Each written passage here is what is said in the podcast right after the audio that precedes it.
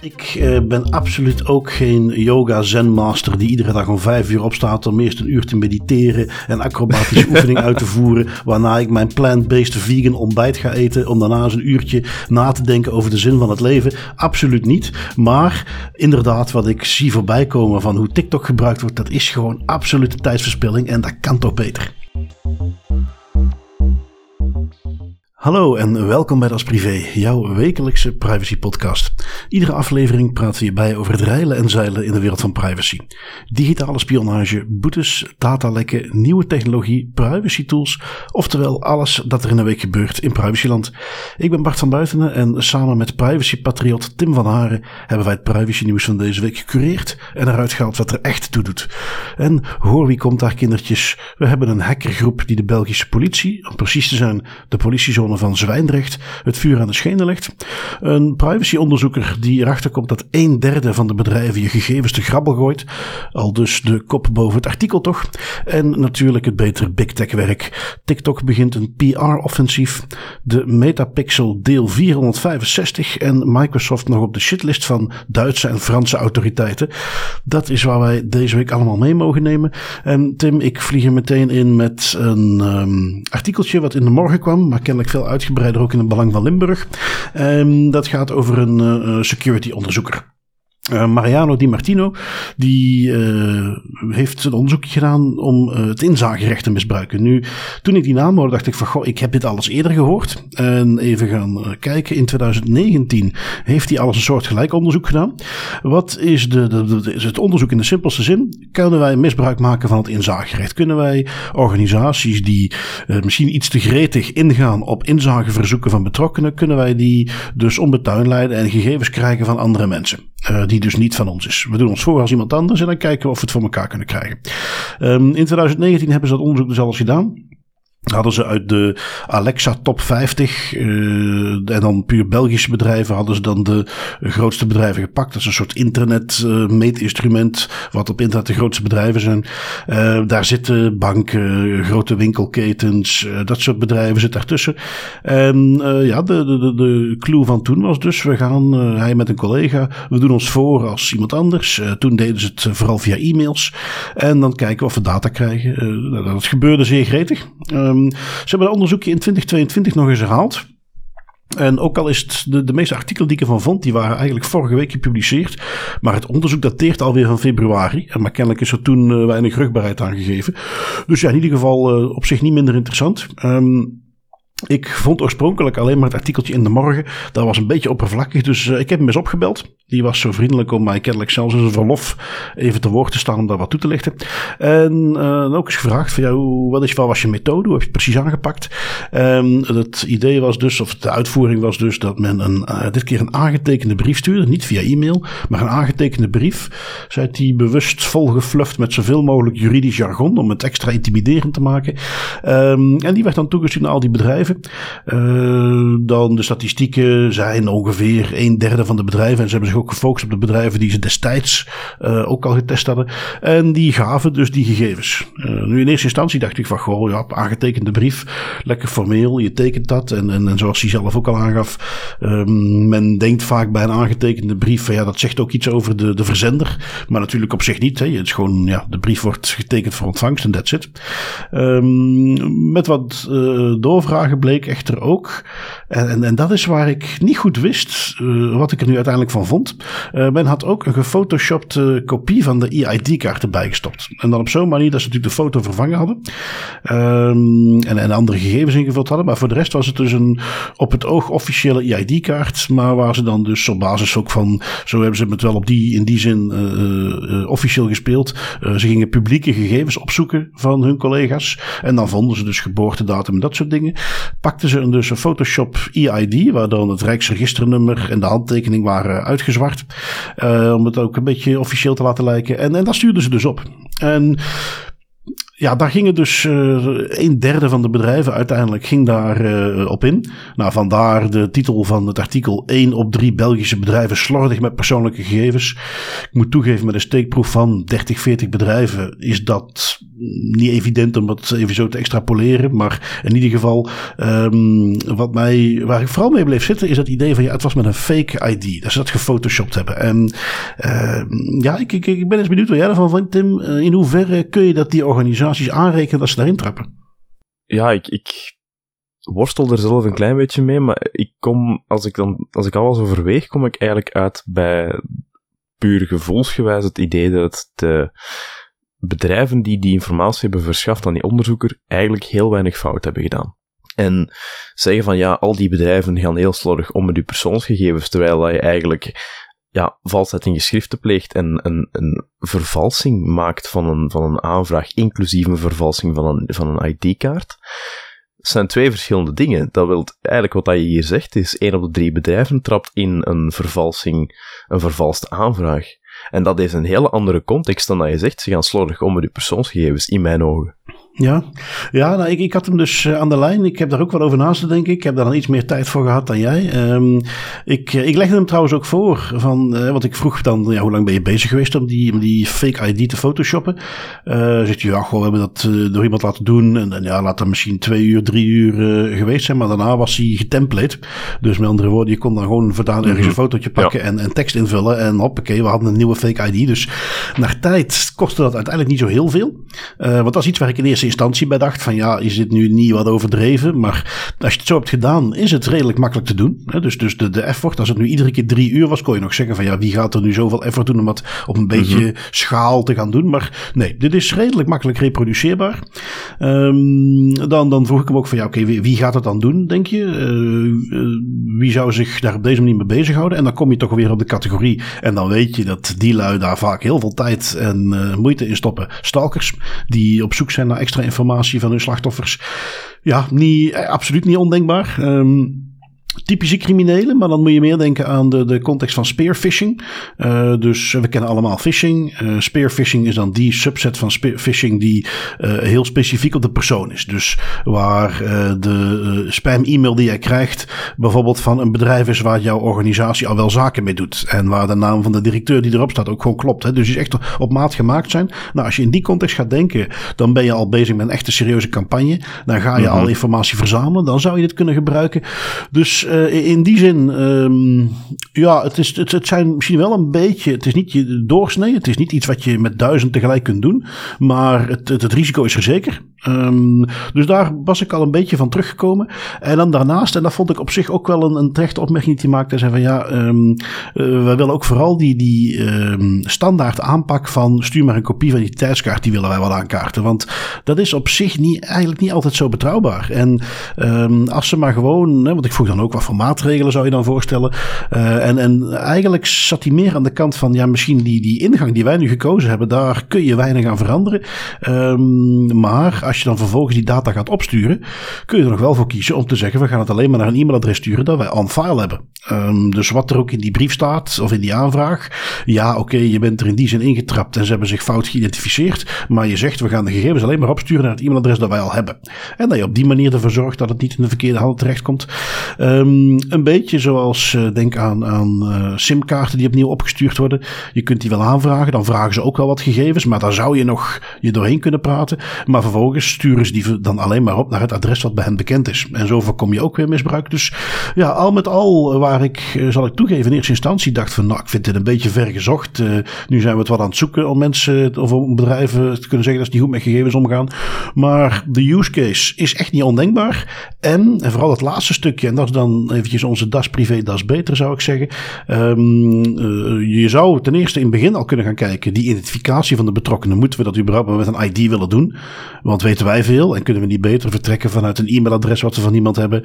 Um, en dan daarnaast, als je dan toch die uh, identificatie hebt gedaan. En je zegt, oké, okay, dit zal de persoon wel zijn en we gaan het opsturen. Dat je het alleen maar stuurt naar de data die bekend is. Of dat je bijvoorbeeld, als je een telefoonnummer hebt, dat je iemand even opbelt om dat te bevestigen. Heb je dat wel gedaan? Um, ik vond het uiteindelijk toch nog redelijk uh, goede aanbevelingen. Uh, waarbij ik ook als algemene stelregel ook altijd meegeef hoe gevoeliger de gegevens, hoe verder je moet gaan om die verificatie te doen. En uh, in hun voorbeeldjes ging het, sommige waren ook bankinstellingen, dus dat is toch redelijk gevoelig. Geen, zoals dan in de GDPR heet, bijzondere categorieën aan gegevens, hè, medische gegevens, gegevens over seksuele geaardheid, gerechtelijke gegevens, die zaten niet in hun dataset. Maar dus zeker bij dat soort organisaties zou ik gewoon als finale tip meegeven. Weet dat dit soort misbruik dus echt wel kan gebeuren en, en absoluut niet ondenkbaar is of al heel erg moeilijk. En dat je dus meer verificatie moet inbouwen. Um, dat is eentje die ik toch zeker wilde meegeven. Ja, dat is, dat is um, zeker een beetje een mooie en nodige nuance, denk ik. En ligt ook een klein beetje in lijn met, met hoe dat ik het bekijk. Hè. Wat, wat, het onderzoek, wat dat onderzoek op zich is, is, is waardevol. Hè. Ik, het, het, is de manier waarop de headliners het een klein beetje verwoorden. Ja, ja, ja. Maar daar heeft de onderzoeker niet altijd controle over. Dat, dat, ze ja, maken er eigenlijk iets van dat het niet altijd is.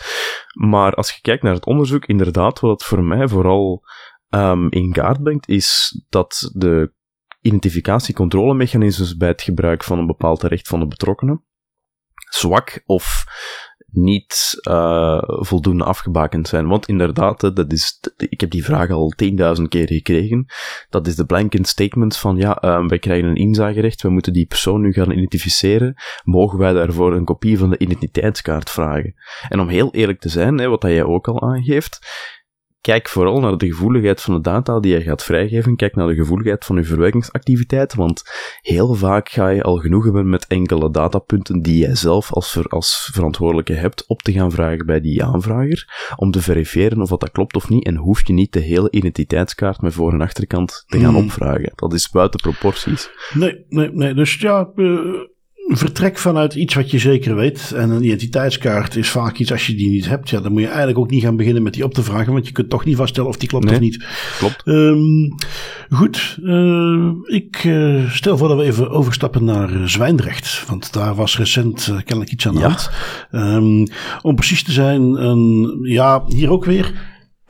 Het krantenkopje, een van de grootste datalekken bij de politie ooit. Ik weet eigenlijk niet eens of dat wel klopt. Um, maar goed, uh, dat klinkt natuurlijk leuk. Uh, een beetje clickbait. Um, maar schijnt het kennelijk wel om te gaan. Duizenden nummerplaten, flitsboetes, PV's. zelfs een aantal foto's van minderjarigen, ook in de context van, van misbruik, zijn gelekt door een slecht beveiligde server bij de politie. Um, van wat ik ervan meekreeg was een redelijk bekende security journalist Daniel Verlaan uit Nederland. Die ergens op een online forum dat voorbij zag komen. eervolle vermelding trouwens voor, uh, zoals het dan de nickname is, uh, Lover in ons Das Privé Community, die dat ook al had gepost. deze week dinsdag, of vorige week moet ik dan zeggen.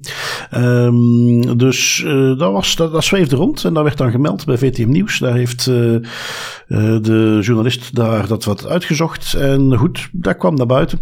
Um, waar gaat het kennelijk over? Niet zozeer het, het, laat ik zeggen, het netwerk met alle bijzondere gegevens, databanken van de politie, maar hun administratieve netwerk. En daar knelt meteen het grote schoentje, want uh, dat is het netwerk waar eigenlijk dat soort gegevens niet op horen te staan. Waar het dus kennelijk zo is dat, uh, we zien het meer als je home folder en dat soort dingen, waar het dus kennelijk zo is dat uh, dingen die eigenlijk op een beveiligde server of uh, die aan een dossier van de een aangifte hadden moeten hangen, dat die opgeslagen stonden op die administratieve, op het administratief netwerk. Nu, dat is even een stukje aanname van mijn kant, maar dat is wat ik er een beetje uithaal uit de berichtgeving die ik gelezen heb. Um, wat dan weer wel sneu is, is dat alleen maar dat wachtwoord toegankelijk was. Um, ik geloof dat jij daar straks nog aanhaalde dat het op een, uh, de standaard gaf aan dat het van een Citrix server kwam. Um, en waar je dus kennelijk alleen maar de gebruikersnaam en wachtwoord toegang kon krijgen. En vooral dat laatste is denk ik het meest pijnlijke. Het, het hele jammer aan dit verhaal is inderdaad dat het helemaal niet gaat over een gesofisticeerde aanval en dat de, de basisbeveiliging, waar we het in de podcast ook al heel vaak over hebben gehad, gewoon de, de baselines, dat die bij de politie niet op orde zitten. En dat is zeker bij een instantie zoals bij de politie, de lokale politie zoals Zwijndrecht, um, zeker daar is dat dubbel triest, omdat net die instanties zijn die nood hebben aan die baseline en aan een beetje bijkomende beveiligingsmaatregelen, omdat die namelijk net met zo'n gevoelige gegevens zitten. Hè. Inderdaad, de headlines zeggen eh, een van de grootste datalekken bij de politie ooit. Ik weet ook inderdaad niet, niet of dat, dat wel klopt. Maar wat ik wel weet is dat het hier gaat om een zeer gevoelig datalek. Het gaat niet alleen over nummerplaten en pv's, maar het gaat ook over foto's van mishandelde kinderen. Dat zijn dingen, dat kan die slachtoffers, en dat gaat die slachtoffers in veel gevallen achtervolgen tot het einde van hun leven, bij wijze van spreken. Dat, dat kan heel vergaande gevolgen hebben. En als je dan als politiezone er op zo'n lakse manier mee omgaat, ja, dan, dan schendt dat het vertrouwen van de burger in de instanties enorm. En, en op een manier die heel moeilijk te repareren valt. Ja, het is, um, ik, ik zag ook nog wat reacties erop voorbij komen. Uh, Matthias Dobbelaar Welva bijvoorbeeld, die gequote werd in een artikeltje. Moet ik er dan altijd maar even bij zeggen, want je weet nooit wat ze van een quote echt gemaakt hebben. Maar goed, die gequote werd in een artikeltje van ja, iedereen die betrokken was in uh, die situatie, die, uh, ja, die kan maar beter al zijn paspoort en identiteitskaarten en rijbewijs laten vervangen. Um, ik bedacht mij daar meteen twee dingen bij. Ten eerste, als dat gebeurt, nou, dan hoop ik dat dat dan wel op kosten van de politiezone kan. Want uh, ik denk dat je rustig 200 euro verder bent voordat al die dingen vervangen zijn. Uh, als je het daarvoor redt. Uh, een beetje paspoort is al 60, 70 euro, dacht ik. Um, daarnaast dacht ik wel, dat is misschien ook weer wat extreem. Om al die documenten nu te gaan vervangen. Ja, ik weet niet wat jij ervan vindt. Um, goh, in een ideaal scenario kijken we vooral in het begin naar de gelekte dataset. Gaan we gewoon gaan zien, oké, wie is daar effectief rechtstreeks het slachtoffer van geworden, en dat we die mensen hun documenten laten vervangen, just in case. Ik denk dat daar zeker wel een, een case voor te maken valt. Maar, en, en dat is ook iets waar ik nog eventjes op wil terugkomen, los van, van hoe dat de politie omgaat met het vergoeden van kosten van het vervangen van documenten.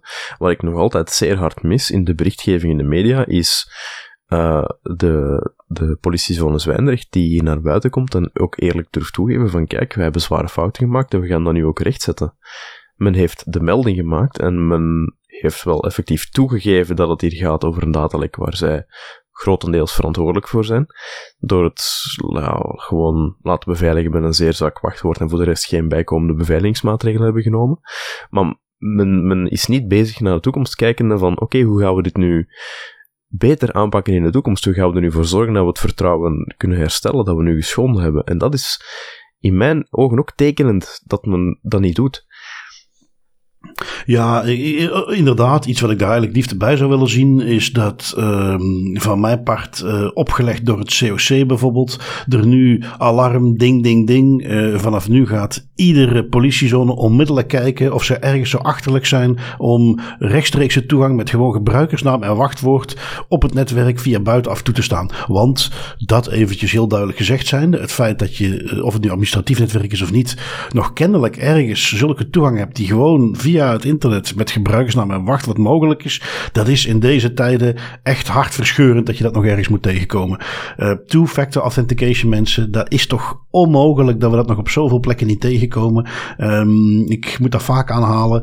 Ik denk 50, 60 procent van de datalekken die ik ook voorbij zie komen, die, zijn, die zouden niet gebeuren als er gewoon two-factor authentication was. En opnieuw, en zeker nu, uh, zoveel jaren verder nadat het er voor het eerst wat kwam, je kunt niet meer weg komen met zeggen van ja, maar dat is lastig en we moeten onze gebruikers daarvoor trainen. En als ze dat zomaar ineens gaan aanzetten, dan gaat dat voor heel veel uh, problemen zorgen van mensen niet meer kunnen inloggen. Ja, dat is dan maar zo. Maar daar moet je nu denk ik eens een keer gewoon hard doorheen. Niet meer, dat heb ik ook vaak gehoord, ja, we gaan het nu met die groep doen, dan met die groep en we gaan het zo uitrollen. En dan over anderhalf jaar zit iedereen op 2FA. Ik denk dat je nu op het punt moet komen dat je zegt, nee, genoeg is genoeg. Iedereen, rukzichtloos, jullie gaan allemaal op two-factor authentication. Volgende week is het zover. We aan en regel het maar. Want dat is toch iets wat, eh, als je nu ziet, ja, inhoudelijk, de gegevens, het is wel erg genoeg. Hè? Ik bedoel, ik, wou het zeker even nuanceren dat het niet. Um, het volledige politienetwerk is of iets dergelijks. Maar tegelijkertijd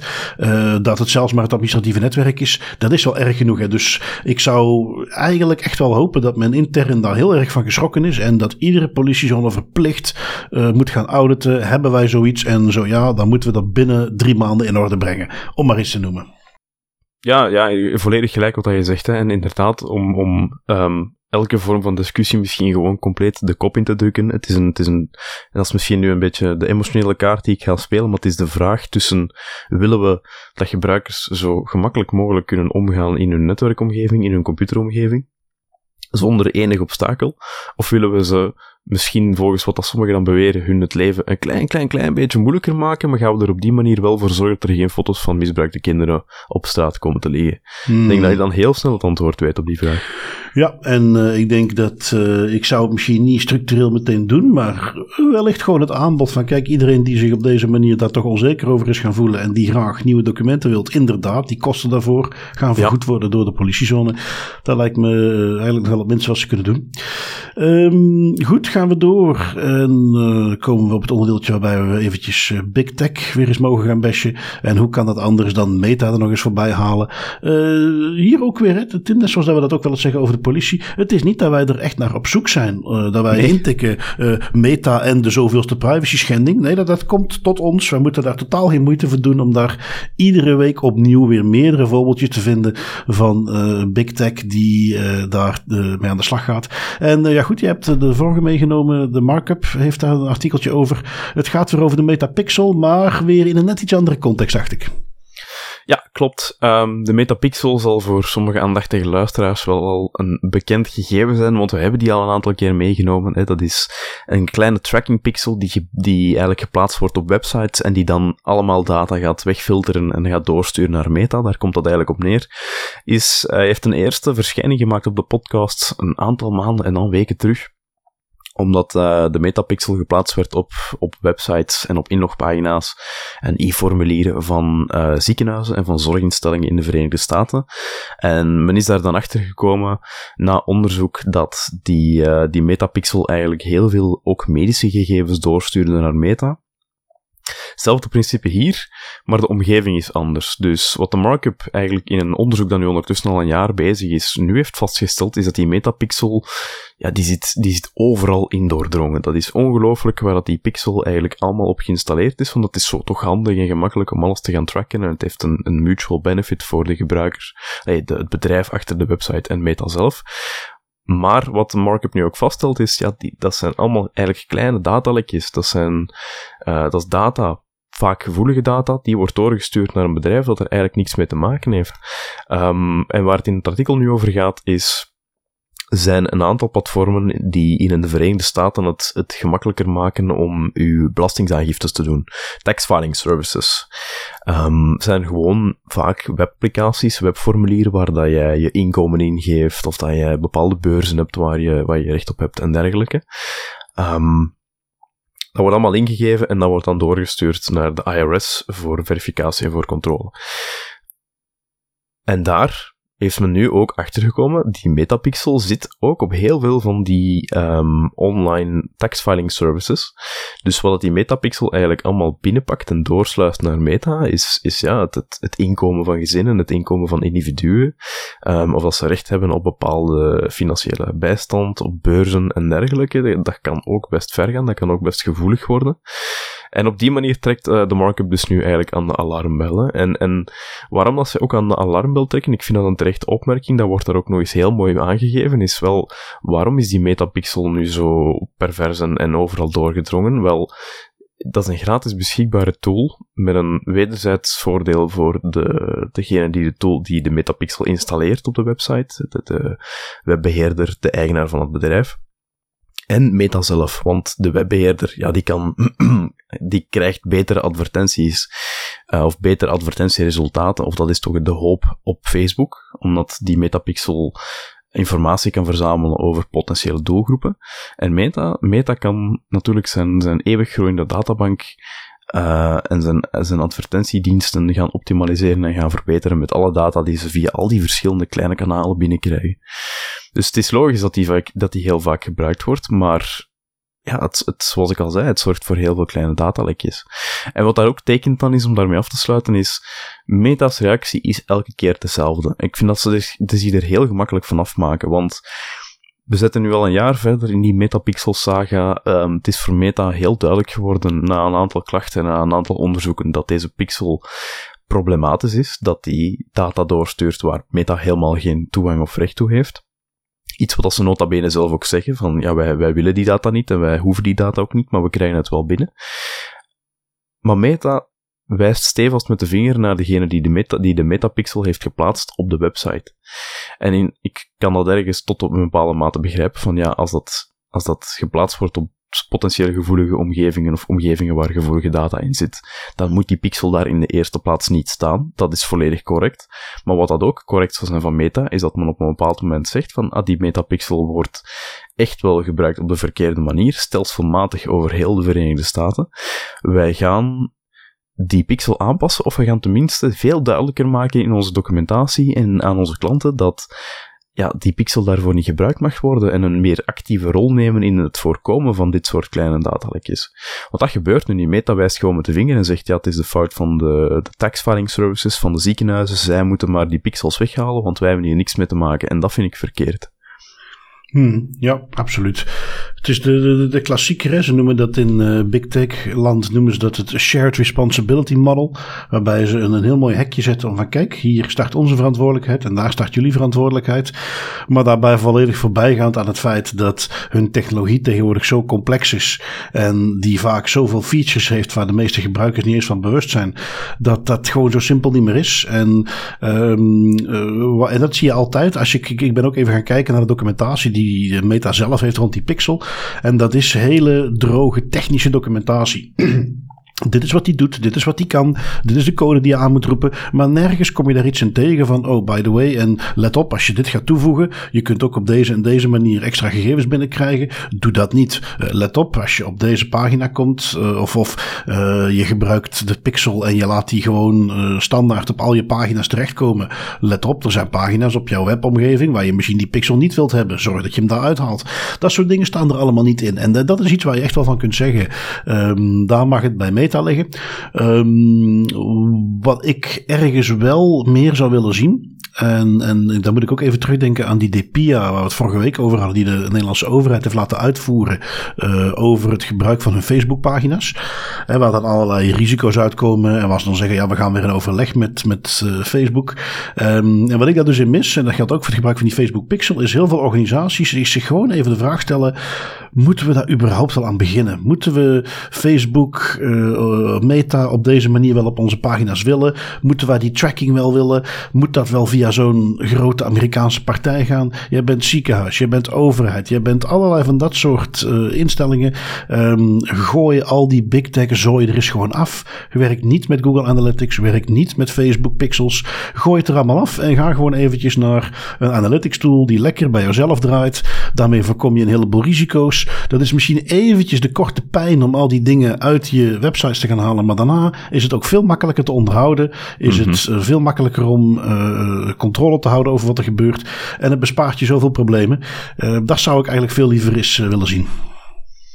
Ja, klopt. Dat is het. Hè. Het is, het is een, een, een kwestie van wat is de meerwaarde nog van, van die pixels versus ze niet te gebruiken. Want zeker, allee, dat is een beetje eigen aan hoe dat het Amerikaanse belastingssysteem werkt. Maar de meeste van die tools, dat zijn private bedrijven. Dat zijn geen overheidsinstellingen, dat zijn gewoon private bedrijven die een leuke i, uh, een leuke webapplicatie hebben ontwikkeld waarin je dat gemakkelijk kan doen. En die sturen dat dan door naar de IRS daar kan je wel zeggen van ja, die hebben nog ergens een baat bij het, het optimaliseren van hun advertentiestromen.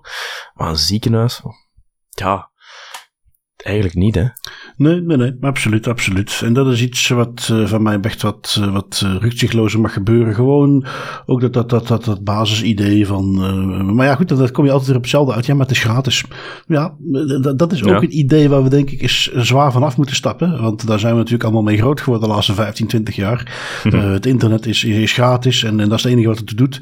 En ja, er, ik bedoel, je doet zoveel dingen. Dat is ook trouwens een discussie die ik bijvoorbeeld in, in de omgeving zoals ziekenhuizen en zo, scholen.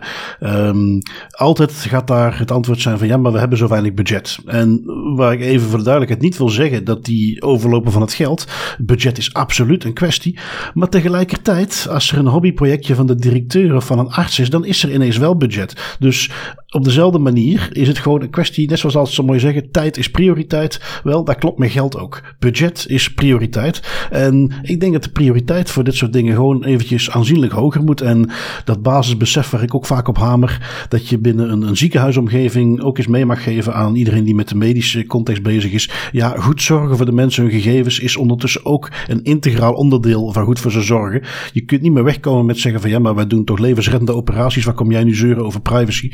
Op dezelfde manier met scholen. Ja, maar we hebben al zo weinig budget en we moeten toch ook goed leermateriaal kunnen voorzien. Uh, hoe kun jij een veilige leeromgeving voorzien op het moment dat je de scholieren hun gegevens vervolgens de grabbel gooit door op allerlei gratis tools en, en uh, je uh, pagina's voor leerlingen ook op werk te doorspekken met Facebook pixels of met weer mm -hmm. een of ander gratis wiskunde toeltje.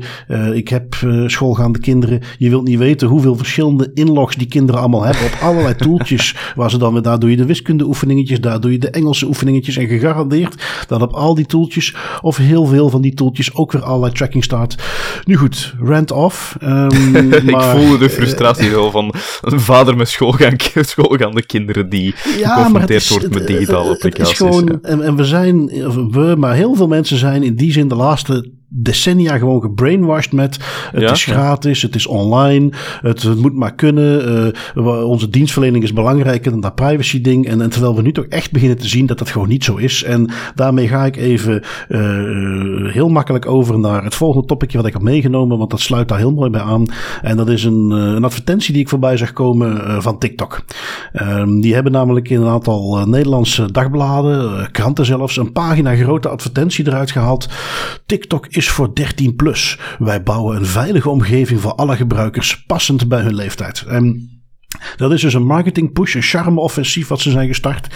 Uiteraard, omdat er op dit moment in Nederland lopen er uh, bij gebrek aan een fatsoenlijke Nederlandstalige term ervoor allerlei class action lawsuits, waarbij dus miljoenen mensen Um, ja, eigenlijk is het prima Nederlands woord voor. Hè? Massaclaims uh, zijn waar mensen zich bij hebben aangesloten. Die allemaal 500 à 1000 euro per uh, persoon in zo'n claim hebben zitten. Dus dat gaat echt om, om potentieel miljardenclaims. En je ziet dat TikTok daar nu echt een charme-offensief voor is begonnen. Um, maar hier weer het, hetzelfde. Het, het, feit dat, en, daar moeten we echt eens wat meer voor open gaan staan. TikTok, van wat ik daarvan voorbij heb zien komen, daar zullen ongetwijfeld allerlei leuke dansjes en hele vrolijke en happy, happy video's op te zien zijn. Maar tegelijkertijd komen ze naar buiten met dat ze open en bloot gegevens doorsturen naar China. Dat er ook ontzettend veel bagger op staat. Dat ik ook zie hoe heel veel uh, mensen die ik TikTok zien gebruiken, en, en waaronder uh, mijn eigen dochter, dat die een beetje mindless daar zo een uur lang zitten te scrollen. Want die app is nog veel meer dan een LinkedIn of een Twitter er echt op gemaakt om mensen seconde na seconde, filmpje na mm -hmm. filmpje onmiddellijk door te sturen. En voor je het weet zit je daar dus een uur compleet breinloze inhoud te verwerken. En uh, alle reclame en, en uh, acties ten spijt, wanneer gaan we eens gewoon voor dat soort dingen zeggen? Jongens, we gaan het gewoon verbieden. En, en ik ga nu iets heel gek zeggen, Tim, maar dat is misschien iets waar Trump het nog zo gek niet bekeken had. De one redeeming factor van Trump. Het feit dat een TikTok wou verbannen. Ja, het was hem bijna gelukt, hè. Dan, inderdaad. Ja. Dan leefden we misschien nu in een utopie. En dan waren we nu al 50 jaar in de toekomst met de technologie. Waren we allemaal PhD-studenten. Noem het maar op. En nu zitten we allemaal aan de TikTok-band. Het klopt wat je zegt. Hè. Het, is, het is zo, als je... En ik, ik vraag dat ook heel vaak aan, aan mensen waar ik die discussies mee, mee heb. Van, als je het hebt over social media, waar TikTok in mijn ogen ook onder valt. Um, maakt dat u nu oprecht gelukkig om naar op te zitten? Want als ik dan kijk naar, naar mensen die daar effectief, hè, inderdaad, zoals je zegt, op TikTok. En dit is nu een beetje gewoon persoonlijke meningspuin over mensen die op social media zitten, omdat ik het zelf niet doe. Of toch niet veel doe. Maar als ik kijk naar mensen die een uur, anderhalf uur echt zitten te scrollen op TikTok inderdaad, ja, dat, ik word er al niet gelukkig van om daarna te kijken naar iemand dat dat doet. En ik kan me niet voorstellen dat die persoon op het einde van zijn scrollsessie heeft gedacht, ah wel, dat was nu eens echt goed, dat was tof, dat was leuk. En ik heb het zelf mm. nog niet over nuttig gebruik van de tijd, want ik doe ook heel veel dingen die niet nuttig zijn en die nooit nuttig zullen zijn. Maar het gaat gewoon over, maakt dat u nu gelukkig of niet? Wel, en dat is wat ik ook even daar onderscheid inderdaad wilde maken. Uh, want ik uh, ben absoluut ook geen yoga zen master die iedere dag om vijf uur opstaat om eerst een uur te mediteren en acrobatische oefeningen uit te voeren. Waarna ik mijn plant-based vegan ontbijt ga eten om daarna eens een uurtje na te denken over de zin van het leven. Absoluut niet. Maar inderdaad, wat ik zie voorbij komen van hoe TikTok gebruikt wordt, dat is gewoon absolute tijdsverspilling en dat kan toch beter. Ja, inderdaad. Tot daar het, het betoog van twee zuur anti-social media pruimen. Ja, inderdaad. nu goed, um, laten we dan meteen doorspringen naar uh, iets wat jij hebt meegenomen. Um, alhoewel we dan in die zin wel een beetje bij China in de buurt blijven. Want uh, de UK heeft kennelijk het licht gezien. En die gaan toch wat uh, Chinese telecomapparatuur verbieden. Ja, klopt. Die volgen een klein beetje in de, de voetsporen van de Verenigde Staten, die denk ik ook deze week heeft gezegd dat zij gaan een verbod gaan zetten op het de verkoop van nieuwe telecomapparatuur van Huawei en ZTE. Um, UK gaat het ook doen. Uh, specifiek, zij hebben een verbod op het plaatsen van Chinese camera's op gevoelige locaties. Chinese camera's um, ja, komen ook al af en toe, komen af en toe wel eens in de podcast, passeren de revue. Um, omdat we toch wel zien dat die af en toe wel eens een phone home doen naar een server in China, die op zijn minst gezegd verdacht is. Je weet niet altijd wat er daar gebeurt achter de schermen, maar het klopt niet altijd dat die natuurlijk verbindingen hebben met Chinese servers, terwijl dat ding in Europa staat en eigenlijk geen enkele reden heeft om dat te doen. Dus dat is op zich een beetje vreemd. Um, en dus, ja, de Britse overheid die heeft nu namelijk ministeries verboden om op gevoelige locaties Chinese beveiligingscamera's te plaatsen. De aanleiding daarvan was een onderzoek naar um, huidige, maar ook toekomstige beveiligingsrisico's gelinkt aan de installatie van surveillance-systemen binnen de eigen overheidsgebouwen en, en gevoelige locaties. Um, waarin ze eigenlijk ook ja, het, het, het feit erkennen dat, dat Chinese camera's een potentieel beveiligingsrisico kunnen zijn, omdat de Chinese overheid potentieel toegang zou kunnen hebben tot de beelden die verwerkt worden, of tot de locaties waar, dat die, waar die camera's staan, noem het maar op. Het feit dat dat ding heeft een internetverbinding. Um, als dat een phone home kan doen aan een Chinese server, ja, dan is het maar de vraag wat daarmee gebeurt.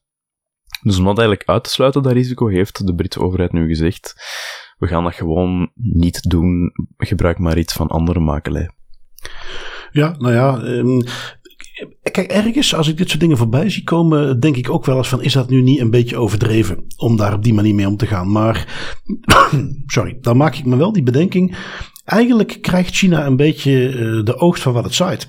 Die hebben de afgelopen jaren, en dat is gewoon feit, trekken die zich niks aan van internationale conventies. Proberen die overal waar ze kunnen uh, intellectual property te stelen. Uh, maken ze er hele duidelijke doelstellingen van dat dat ook echt onderdeel van hun strategie is om binnen de zoveel jaar onafhankelijk te zijn. Zelf hun chips te kunnen maken. Um, doordat ze dus op die manier continu met, met hun cyberafdelingen die continu binnenbreken. operaties die echt bekend zijn, daar zit de Chinese overheid achter.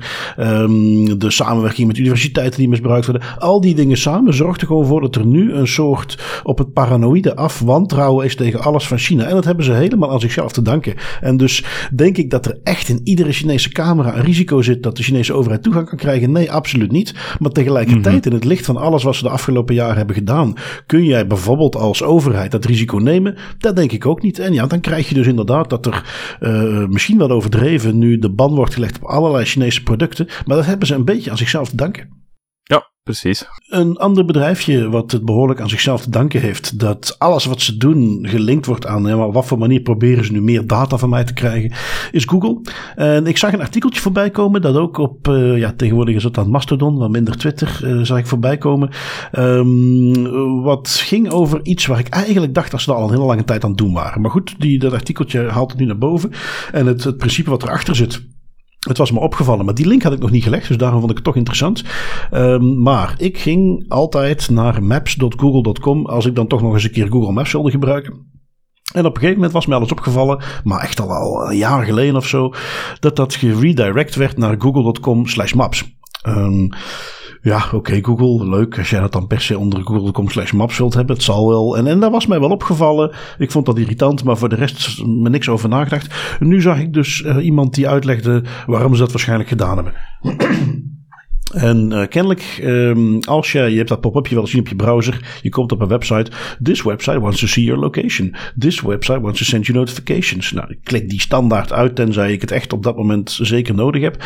Um, wat is de clue achter die move om alles van subdomeinen te verhuizen naar google.com slash? Wel, als ze dan die uh, can we send you notifications of can we track your location één keer hebben gehad bij één van de diensten van Google alles wat dan op die google.com domeinnaam draait, die kan dat ook Mm. doen.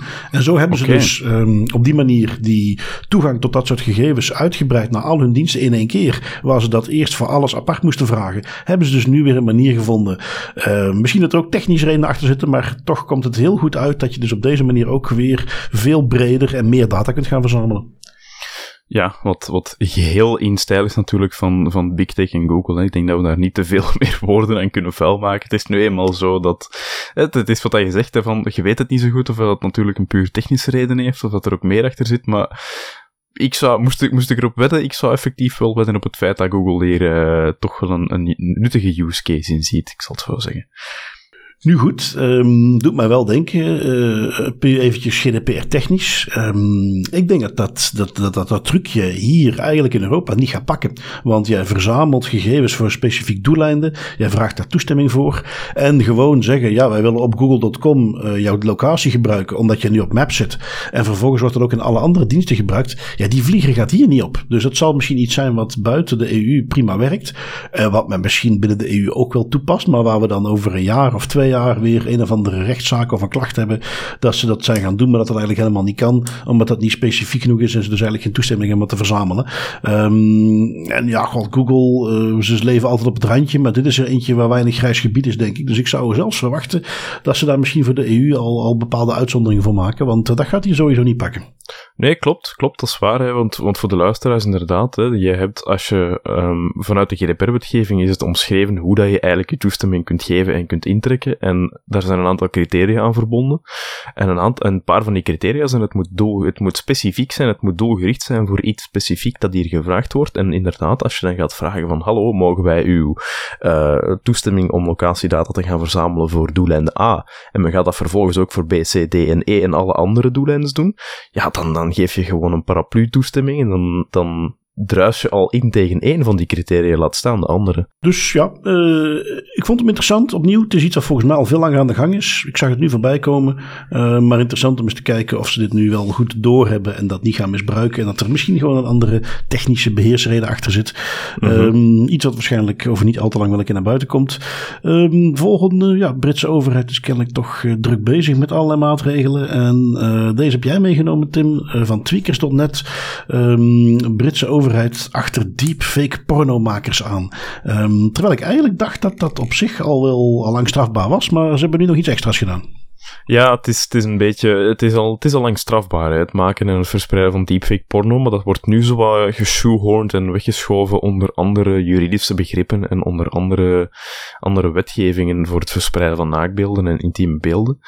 Um, en wat het Britse ministerie van Justitie nu eigenlijk wil doen in een wetsvoorstel, het is een amendment op de Online Safety Bill, is ze willen expliciet het verspreiden van deepfake porno en het maken van deepfake porno strafbaar maken.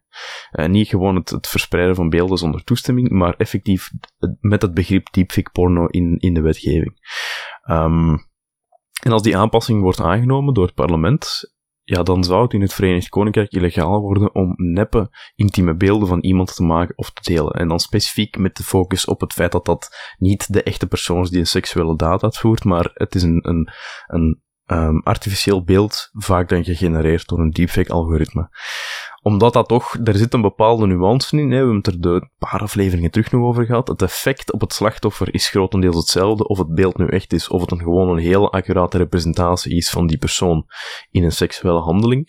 Ja, die persoon weet natuurlijk wel dat dat een fake beeld is, maar de rest van de wereld denkt gewoon, ja, die, die persoon die, die in dat beeld voorkomt, dat is effectief wat er daar gebeurt, dat is de realiteit. Dus de schaamte en, en de, de, het effect op de omgeving, de sociale effecten, ja, die zijn grotendeels hetzelfde. En dan, ja, is, moet men dat, en dat vind ik dus ook heel positief dat men dat nu eigenlijk begint door te hebben, vind ik dat men dat echt wel in de wetgeving duidelijker moet maken, dat het verspreiden van neppe beelden, dat dat ook zeer nadelige gevolgen kan hebben voor het slachtoffer. Ja, nou ja, goed. Uh, dat soort amendementen dan uh, overal maar even doorvoeren. Ik weet dat we daar in België en Nederland sowieso met wetgeving bezig zijn die dat uh, op die manier ook aanpakt. Um, lijkt me alleen maar goed en zeer terecht dat men dat op die manier aanpakt. Um, springen we eventjes door naar Amazon in de reeks Big Tech. We hebben Microsoft, komt nog voorbij, Google, TikTok, Facebook gaat goed. Amazon, zoals, dat is echt wel een dingetje wat in techland flink aan de hand is ontslagen. Overal ontslagen, bezuinigen. De, de boom lijkt nu echt goed voorbij. Uh, corona heeft ze de indruk gegeven dat ze misschien belangrijker waren dan echt uh, het geval is. Nu dat het allemaal weer een beetje terug naar normaal begint te gaan. In ieder geval, Amazon is er ook niet van gespaard gebleven. Maar ik heb een artikeltje opgepikt van Ars Technica. Waarin ze bekeken waar zitten die besparingen vooral in. En zien dat de Amazon Alexa afdeling daar vooral flink door getroffen is. Um, blijkt ook ondersteund ook door cijfers dat dat zeer terecht is. Want de Alexa-afdeling uh, gaat uh, een uh, flink verlies leiden. Men ziet dat daar ongeveer 10 miljard euro in het vorige jaar in is gestopt. Um, en dat dat een kolossale mislukking is. Hoe ziet men dat? Wel, uh, men gaat dan vooral kijken naar wat het idee was achter die uh, Alexa Assistant. En ja, dat was natuurlijk, die zijn aan kostprijs en al die toestelletjes gepusht. En het idee was van ja, we gaan daar geld aan kunnen verdienen. Want um, men gaat Alexa vragen stellen over producten. Alexa kan advertenties laten horen. Die kan reviews meegeven. En dan voorzien we een functie dat mensen heel makkelijk kunnen bestellen via zo'n voice assistant. En ja, op die manier gaan we er geld aan verdienen. Ja, dat blijkt dus gewoon niet te gebeuren. Een rapport zegt ondertussen dat uh, nu zoveel jaren na de introductie uh, Alexa inderdaad wel miljarden interacties per week krijgt van alle gebruikers. Maar dat dat vooral uh, gesprekken zijn, of laten we eerder zeggen hele basale commando's om muziek af te spelen of wat het weer is. En hoezeer ze er ook expert in zijn om overal geld aan te verdienen, dat soort vraagjes en interacties, daar valt geen geld mee te verdienen. Dus het hele model, we knallen daar voor kostprijs het apparaat neer en dan gaan we geld verdienen aan de interacties blijkt dus gewoon te falen. Mensen zijn echt nog niet klaar om via een, een, een gezichtsloos, uh, video, beeldloos dingen te gaan bestellen. Gewoon omdat dat apparaatje zegt: dit is het beste. Um, en, en dus zit er gewoon geen geld in. En ja, dat betekent dus denk ik dat wij uh, ook, want dat zal voor de Google variant, voor de Apple variant op precies dezelfde manier gelden. Het verschil met Apple zal waarschijnlijk zijn dat zij wel voldoende marge op hun apparatuur pakken. Dus dat die het misschien nog kunnen houden. Maar dan again, we hebben vaak genoeg gezien dat zij ook naar het ads-model gaan. Dus wie weet dat ook daar uh, men er tegenaan gaat lopen dat er niet genoeg gebeurt met die assistants. In ieder geval, het hele idee van de voice assistant in de context van het geeft ons wat gebruikersgemak om bepaalde dingen te kunnen doen. Ja, en, en, en daar zit toekomst in. Maar dan ga je het moeten halen uit het apparaatje zelf. Want het verzamelen van data of het uh, verkopen van dingen via die voice assistants is dus duidelijk een businessmodel wat op dit moment uh, de wereld nog niet klaar is. Ja, en dat is, dat is iets wat wij natuurlijk, dat is nieuws dat wij met open armen ont, ontvangen natuurlijk, hè, want um, ik ben volledig voor innovaties en voor nieuwe technologie. Ik vind het altijd fantastisch als er nieuwe dingen op de markt komen. Maar als het gaat over privacy-invasieve technologie, vind ik het toch altijd stiekem een klein beetje leuk als men dan achteraf te weten komt dat het niet zo financieel rendabel is en men er dan beter maar mee stopt. En ik vind ook, het zegt heel veel dat het eigenlijk um, nooit op de manier is gebruikt dat het is gebruikt, volgens de verwachtingen van Amazon, want wij zitten uiteindelijk, we hebben een periode gehad waarin we bijna twee jaar allemaal binnenshuis zaten, met die voice assistants als je dat had in je living room. En als je het dan nog niet gebruikt, dan ga je het eigenlijk nooit goed gebruiken als je dan toch continu niet thuis zit. Dus dat zegt ook al heel veel over het feit dat dat echt wel uh, redelijk hard gefaald is. Ja, ja, absoluut. Um, ik zie trouwens, Tim, je hebt een, uh, nog een interessant artikeltje van uh, de website van Graham Cluley, van de, de Smashing mm -hmm. Security podcast overigens. Um, waarbij je eigenlijk lijkt te insinueren dat uh, misschien wel een hele goede beveiliging van je netwerk is om er een complete chaos van te maken. Die moet je toch eens even uitleggen. ja, misschien had het de politie Zwijndrecht dat wel op het juiste pad. En misschien, misschien weten zij dingen. Ze zijn gewoon niet ver genoeg weten. gegaan. Ja, ze zijn niet ver genoeg gegaan. Not dedicated enough. Nee, de, de Das Privé, Das Beter type die ik nog had was maak je netwerk kut. En waarom ik die meeneem is, het is inderdaad een artikel dat omschrijft, dat een uh, ransomware incident omschrijft. En in dat ransomware incident is Air Asia, luchtvaartmaatschappij, het slachtoffer van de Dijksin Team Ransomware Gang. En Air Asia verliest op een bepaald moment controle over een dataset van 5 miljoen passagiers en alle medewerkers van het bedrijf na die ransomware aanval. Um, zoals dat gebruikelijk is bij ransomware aanvallen, zeker als er niet betaald wordt, brengt men die data naar buiten, gaat men die verkopen of publiceert men die, neemt men en shamed men het bedrijf ook. Um, en daar is Dijksin Team een stapje verder gegaan, zeker in het shaming aspect, want wat Dijksin Team op een bepaald moment zei, is, als men dan met, met de pers daarover bezig was, en, en de, de woordvoerders, want ja, ransomwarebendes hebben tegenwoordig ook woordvoerders. De woordvoerder van de ransomwarebende zei vlak af, ja kijk, um, oké, het was een succesvolle aanval, maar het heeft ons zoveel tijd en moeite en frustraties gekost om te ploeteren in het netwerk van AirAsia, dat op zo'n chaotische en slechte manier is opgebouwd, dat we dit, dit is goed voor één keer, maar we gaan dit geen twee keer doen, hebben ze vlak afgezegd. Dus, en dat is letterlijk de quote die ik nog even wil meegeven uit het artikel van rechtstreeks um, van de woordvoerder van de ransomware-bende zelf, die zegt, The chaotic organization of the network, the absence of any standards, caused the irritation of the group and a complete unwillingness to repeat the attack. En dat zegt denk ik ook alles. Hè. Als, ransomware-bendes al zeggen van jongens, jullie hebben zo weinig op en het is zo'n moeras om door te ploeteren, dat het, het, is, het is tof dat, het, dat het gelukt is, maar we gaan dit nooit meer doen. Het zegt heel veel. Ja, en, en tegelijkertijd, als ik dan ook verderop in het artikel nog zie dat men dan een, een omschrijving meegaf van ja, het lijkt erop alsof iedere nieuwe uh, sysadmin zijn schuurtje bouwde naast het oude gebouw en op die manier verder ging.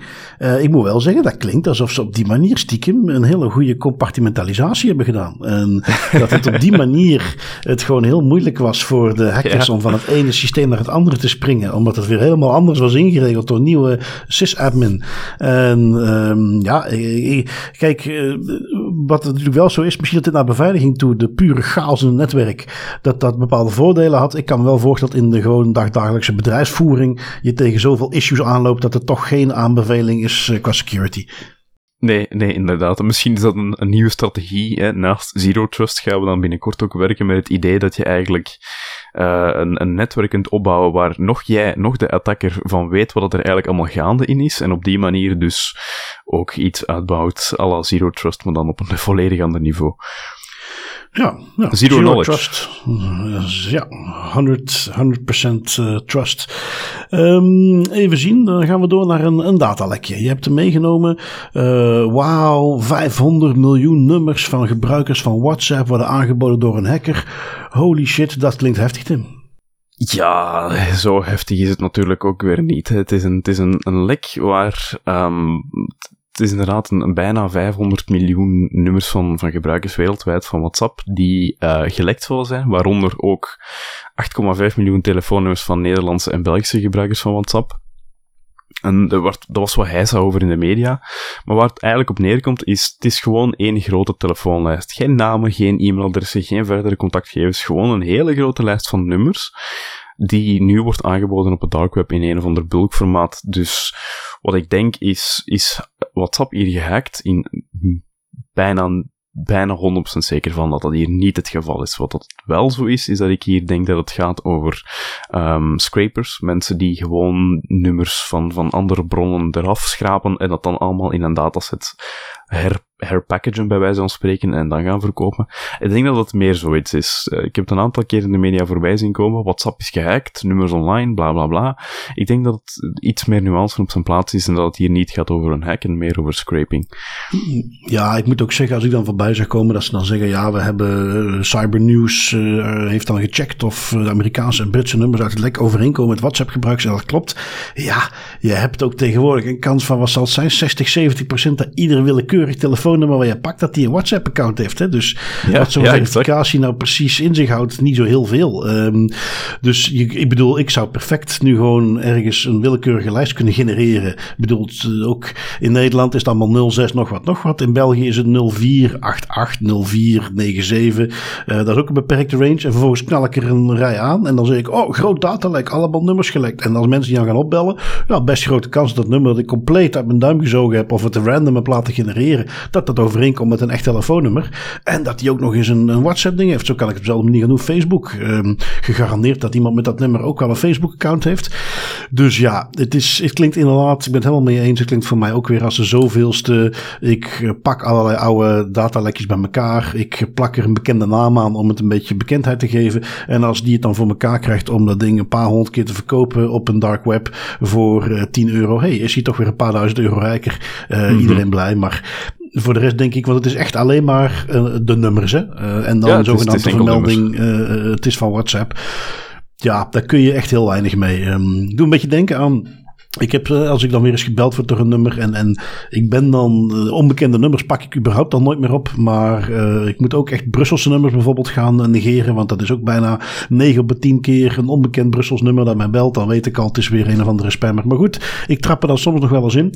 En dan vraag ik wel eens ja, hoe komen jullie aan mijn nummer? En ik weet niet of ze echt zo doen, of dat het gewoon de volgende truc is die ze hebben bedacht om er niet op te moeten antwoorden. Maar het antwoord dat ik nu een paar keer heb gehad is, ja, we hebben gewoon een willekeurige nummerlijst gegenereerd en we bellen die allemaal af. En soms werkt dat nummer niet en dan uh, soms krijgen we iemand echt aan de lijn en dan uh, gaan we daarop door. Um, ja. Klinkt wel heel erg hit en miss, uh, waar iets te veel geld in zou gaan zitten om dat te gaan doen. Maar ik vond het een leuke variant op de gewone. We hebben het ergens gekocht, want dat bespaart moeilijke vragen.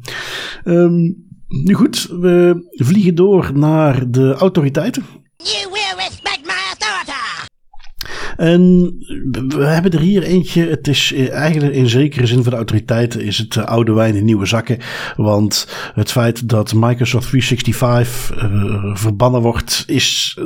Ja, we hebben dat nu al zo vaak voorbij zien komen. Maar misschien is het nu wat, wat, wat heftiger. Um, ik zat er eens aan te kijken. Ja, waar gaat het over? Het, de Datenschutzconferentie. Dat is zo'n periodieke ja, conferentie. Klinkt wat verkeerde vertaling. Een bijeenkomst van de verschillende gegevensbeschermings autoriteiten uit Duitsland. En je weet, die zijn buiten één federale, die zich ook alleen maar met federale overheidsachtige zaken mag bemoeien. Heb je per deelstaat een autoriteit in Duitsland. En die komen dan periodiek bij elkaar. En die hadden uh, al een tijdje terug een onderzoekje laten besteld, zullen we maar zeggen. Uh, over het gebruik van Microsoft 365. Of dat wel in lijn is, of vooral wat Microsoft met de gegevens die ze dan ook nog eens verzamelen en dan weer gaan hergebruiken. Of dat allemaal wel klopt. Niet verrassend komt daar dus nu uit van nee, dat klopt niet. En eigenlijk komt het erop neer dat zij dus aanraden om in alle federale omgevingen en op scholen uh, Microsoft 365 in de band te doen. Nu, ik ben dan eens gaan zoeken naar uh, artikeltjes voor meer informatie. Toen kwam ik erachter, als ik dan ging zoeken op Microsoft 365, ban in Germany, dat soort dingen, dat dat eigenlijk in meer of mindere mate al sinds 2019 komt dat voorbij. En dan zijn er altijd weer een paar van die artikeltjes waar dat in voorbij komt. Maar dan was het weer ergens een, een autoriteit daar. Of was het weer ergens een, een, een, kleine overheidsentiteit die niet meer ging doen. Nu is het dan voor het eerst echt wel heel breedschalig. Um, het heeft vooral te maken met iets wat in 2018 al gebeurde. Microsoft had toen een speciale opzet met Deutsche Telekom. Waarin zij zeiden van weet je wat, al die problemen. Want dan zaten we in die context van, van Schrems, ook toen al. Um, al die problemen, we gaan eruit de weg. Wij gaan op Duitse servers, maar niet alleen Duitse servers, maar ook beheerd door Duitse bedrijven, in dit geval Deutsche Telekom, gaan wij onze Microsoft aanbod uh, in, de, in Duitsland aanbieden. Dus Office 365 zoals je het gewend bent, maar dan zit er een soort schot tussen, want wij als Microsoft zijn niet degene die het beheren, dat zijn Duitse bedrijven en die kunnen dus niet verplicht worden om gegevens vrij te geven. Um, ja, de, de, qua oplossing dus redelijk ideaal. Um, over het waarom is het altijd gissen gebleven. Uh, destijds heb ik ook wel eens afgevraagd: is dat omdat Microsoft onder druk is gezet om dat aan te passen? Omdat dus inderdaad die systemen niet meer toegankelijk zijn. Ik weet het niet. Misschien is het gewoon puur businessverhaal. Dat Microsoft er niet genoeg aan verdiende. Dat kan natuurlijk ook. Is wel waarschijnlijk waarschijnlijker. Uh, in ieder geval, 2018 stopten ze met dat aanbod. En vanaf dan jaar na jaar zijn er steeds berichtjes van ja, Microsoft 365 niet gebruiken. Maar nu voor het eerst is daar dus een onderzoek naar geweest door de Datenschutzconferentie van al die autoriteiten bij elkaar. En die komen nu met een vrij duidelijk standpunt. In die omgevingen moeten wij Microsoft 365 eigenlijk gewoon niet meer gebruiken. Het is, um, het is geen uitspraak van autoriteit op zich. Het is meer een soort analyse die ze nu gepubliceerd hebben. Maar goed, in het verlengde daarvan is het natuurlijk nu wachten op de eerste echte uitspraken van autoriteiten. Het is niet voor niks dat alle autoriteiten hier bij elkaar komen om te gaan beslissen. Uh, dus ja, zit je in de Office 365 uh, omgeving in Duitsland, is dit toch het moment om daar eens even naar te gaan kijken. Um, het doet me denken aan iets wat ik al, al, vaker heb geroepen. Van ja, Google Analytics, dat is leuk. Hè, transfers naar Amerika, uh, dat, dat is een makkelijke. Maar wanneer gaan ze eerst naar Gmail, Google Workspace, Office 365 kijken? Wel, de eerste is er dus nu. Um, meteen in navolging daarvan trouwens ook in Frankrijk. Uh, daar heeft de Assemblée Nationale in hun laatste wetgeving ook meegegeven dat toch in ieder geval, daar beperken ze zich om de een of andere reden tot de gratis versie. Maar dat de gratis versies van uh, Office 365 die er dan kennelijk zijn, dat die uh, ook niet gebruikt moeten worden in, in scholen en andere publieke omgevingen. Um, en ja, zo zie je het, het net begint zich te sluiten. Ja, ja, ik vind altijd um, op de een of andere manier een klein beetje grappig om die artikels voorbij te zien komen en die meldingen van hey, daar in die specifieke sector in dat land wordt Office 365 of Google Workspaces verboden. Uh, vaak in de context van scholen inderdaad. In, ik denk dat het in Denemarken ook recent nog was dat het in de context van scholen ook een gelijkaardige big tech tool is verboden. Um, en waarom vind ik dat grappig? Omdat ik heel vaak, als, als, ik, als het gaat over internationale transfers en Scherms 2 en, en, en, al die, die leuke onderwerpen, als we daarover praten met mensen die eigenlijk helemaal niet met, met privacy professioneel bezig zijn, een argument dat ik vaak krijg is, is, ja maar gaat men eigenlijk wel op een bepaald moment het gebruik van die tools kunnen verbieden? Want dan ligt heel de industrie of heel de sector op zijn gat. En dan vind ik het altijd een klein beetje grappig om te zien van, ja, men gaat effectief zo ver gaan om die tools te gaan verbieden als dat echt moet. Dat is geen argument. Gewoon het feit dat die tools overal gebruikt worden, is op zich geen argument om in strijd te zijn met de wetgeving. Nee, en daar zie je wel, en dat is misschien ook een beetje soms de, de frustratie van ons beroep. Uh, daar zie je, net zoals met Schrems, dit zit er op een gegeven moment jaren aan te komen. Iedereen die in de sector werkzaam is, die weet. Niemand was, Schrems 1 destijds, 2015, oké, dat was een beetje een schok. Maar werkelijk niemand was verbaasd toen in 2020 Schrems 2 eraan kwam en er weer zo'n ban kwam op Amerikaanse tools. Um, en, en, en, vervolgens probeer je dat overal te verkondigen. Dan zeg maar, ja, maar dat kunnen we niet zomaar. En we kunnen niet zomaar afstappen. En vervolgens houdt men dat jaren vol, waarbij je naar de moet denken, ja, maar als je dat toen ik dat voor het eerst meldde, nu is gewoon langzaam was begonnen met die overstap naar Europese tools, dan waren we er ondertussen al geweest. Goed, dat terzijde. Eh, ik heb in die zin natuurlijk makkelijk praten als eh, privacy professional, maar tegelijkertijd, uh, we zien dus nu dat, dat dat begint zich op te bouwen. Ondertussen alweer jaar na jaar zien we dat er steeds weer een autoriteit is die dat verbiedt. Dan is er weer een, een, een beperkte ban, die wordt weer teruggedraaid. Dan zijn er weer nieuwe discussies. Dan belooft Microsoft weer dingen of dan belooft Google weer dingen maar dan worden die toch weer niet uitgevoerd. En eh, langzaam maar zeker zie je gewoon dat je eh, als organisatie, eh, je hebt er nu waarschijnlijk nog de tijd voor begin toch eens om, om eens rond te kijken. Is er geen alternatief? Kunnen we niet langzaam overstappen? Want um, dit gaat niet verdwijnen. Ik denk, hè, we gaan nu in april, ga je dan vanuit de Europese Commissie, ga je weer die goedkeuring krijgen voor uh, tools. Dat verwacht ik toch voor Amerikaanse tools. Uh, maar, maar dat is vechten tegen de bierkaai. Dat gaat vroeg of laat, gaat datzelfde verhaal van Europese digitale soevereiniteit en uh, het basisprincipe, is het nu wel zo slim dat wij met onze volledige overheid en onderwijs en alles wat eraan vasthangt op Amerikaanse tools zitten. Het besef dat geen goed idee is, is er. En um, men, men doet het stapje voor stapje met dan weer dit soort dingen. Maar uh, vroeg of laat gaat daar een, een issue zijn. Dus uh, ja, ik denk dat echt wel het moment daar is om eens heel serieus naar alternatieven te gaan kijken en om over te stappen. -hmm. Ja, klopt. Want dat, dat is het. Het, is een, het is een kwestie van tijd. En men, men wijst ook met de vinger naar de nieuwe politieke akkoorden die er zijn tussen de Europese Unie en Amerika en dan is mijn volgende punt in mijn hoofd gewoon al, ja, dan gaan we gewoon wachten tot Shrems 3, wat er sneller dan dat we zouden kunnen verwachten gaat komen. Dus, ja. Wellicht wel, wellicht wel, ja. Um, goed, stappen wij als laatste item voor onze autoriteitenonderdeeltje nog even naar uh, Portugal. Had hem meegenomen, Tim. Uh, daar heeft de Portugese autoriteit kennelijk gevonden dat men niet goed omging met gegevens van Oekraïnse vluchtelingen. Ja, klopt. Toch wel een, een gevoelige doelgroep, een gevoelige materie. Waar het specifiek over ging, was een uh, gemeente in Portugal, Setúbal. En die gemeente die um, vroeg in het kader van de registratie van Oekraïnse vluchtelingen in de kampen die ze daar hebben opgezet, um, om formulieren in te vullen met uh, wat persoonsgegevens, naam, geboortedatum, uh, of dat je getrouwd bent of niet en dergelijke. En het probleem is dat op een bepaald moment men heeft vastgesteld dat tijdens het invullen van die formulier, dat de, de betrokkenen, die Oekraïnse vluchtelingen, dat die helemaal niet werden geïnformeerd over waarom dat dat eigenlijk allemaal moet, um, wat dat daarmee te maken heeft. En langs de andere kant, in, in de backend eigenlijk van de Portugese gemeente, heeft men ook vastgesteld dat die gegevens op een zeer onveilige manier werden opgeslagen en dat er een potentieel risico in ontstond voor datalekken om, om, dankzij de manier waarop die gegevens werden opgeslagen. Om nog maar eens mee te geven, hè, het, moet allemaal snel snel gaan. Die Oekraïnse vluchtelingen die komen toe in, in vluchtelingenkampen, die moeten natuurlijk verzorgd worden, die moeten natuurlijk geregistreerd worden, maar ja, zorg dan natuurlijk ook dat je um, dat doet op een manier en in systemen die, die ook rekening houden met die mensen hun privacy, want dat is en blijft een gevoelige groep. Ja, en, en de dingen die je hier voorbij ziet komen hebben nog niet eens per se iets te maken met uh, gegevens van Oekraïnse vluchtelingen op zich. Dat dat onverwacht was en zo. Je ziet hier structurele tekortkomingen op hoe ze met die dingen omgingen. Dus misschien dat dat zelfs in het verlengde daarvan ook wel voor andere gegevens die ze hebben het geval was. Hè. Bijvoorbeeld het feit dat ze geen DPO hadden aangesteld. Ja, daar kunnen ze moeilijk schuiven op. Uh, oh, maar het was ineens zo druk met uh, nee, wat klopt, klopt. maar goed, um, ja, dan, dan ben je 170.000 euro kwijt aan zoiets. Um, iets waarmee je heel wat van die vluchtelingen een tijdje goed kunt voorzien. Dus uh, doodzonde van het geld in die zin. Um, Inderdaad. Gaan we door naar onze privacy pointers. En ik ga jou als eerste laten, Tim. Wat heb je meegenomen? Um, wel, ik wil mensen nu al alvast eens, eens beginnen warm te maken voor de AIVD kerstpuzzel. Uh, die, die puzzel, dat is een soort jaarlijkse kersttraditie van, van de AIPD, de, de inlichtingdienst in Nederland. Um, was oorspronkelijk in de beginnen vooral bedoeld om uh, systematisch en logisch denken onder hun eigen medewerkers op een, op een toffe manier te stimuleren. Maar sinds 2011 is het ook zo dat die puzzel op hun website wordt geplaatst en dat je dus ook kan deelnemen aan de kerstpuzzel van de inlichtingendienst van Nederland. Um, sinds 2019, een paar jaar geleden, hebben ze er ook twee edities van gemaakt. Een kerstpuzzel voor de, voor de, de gewone IVD kerstpuzzel voor de volwassenen.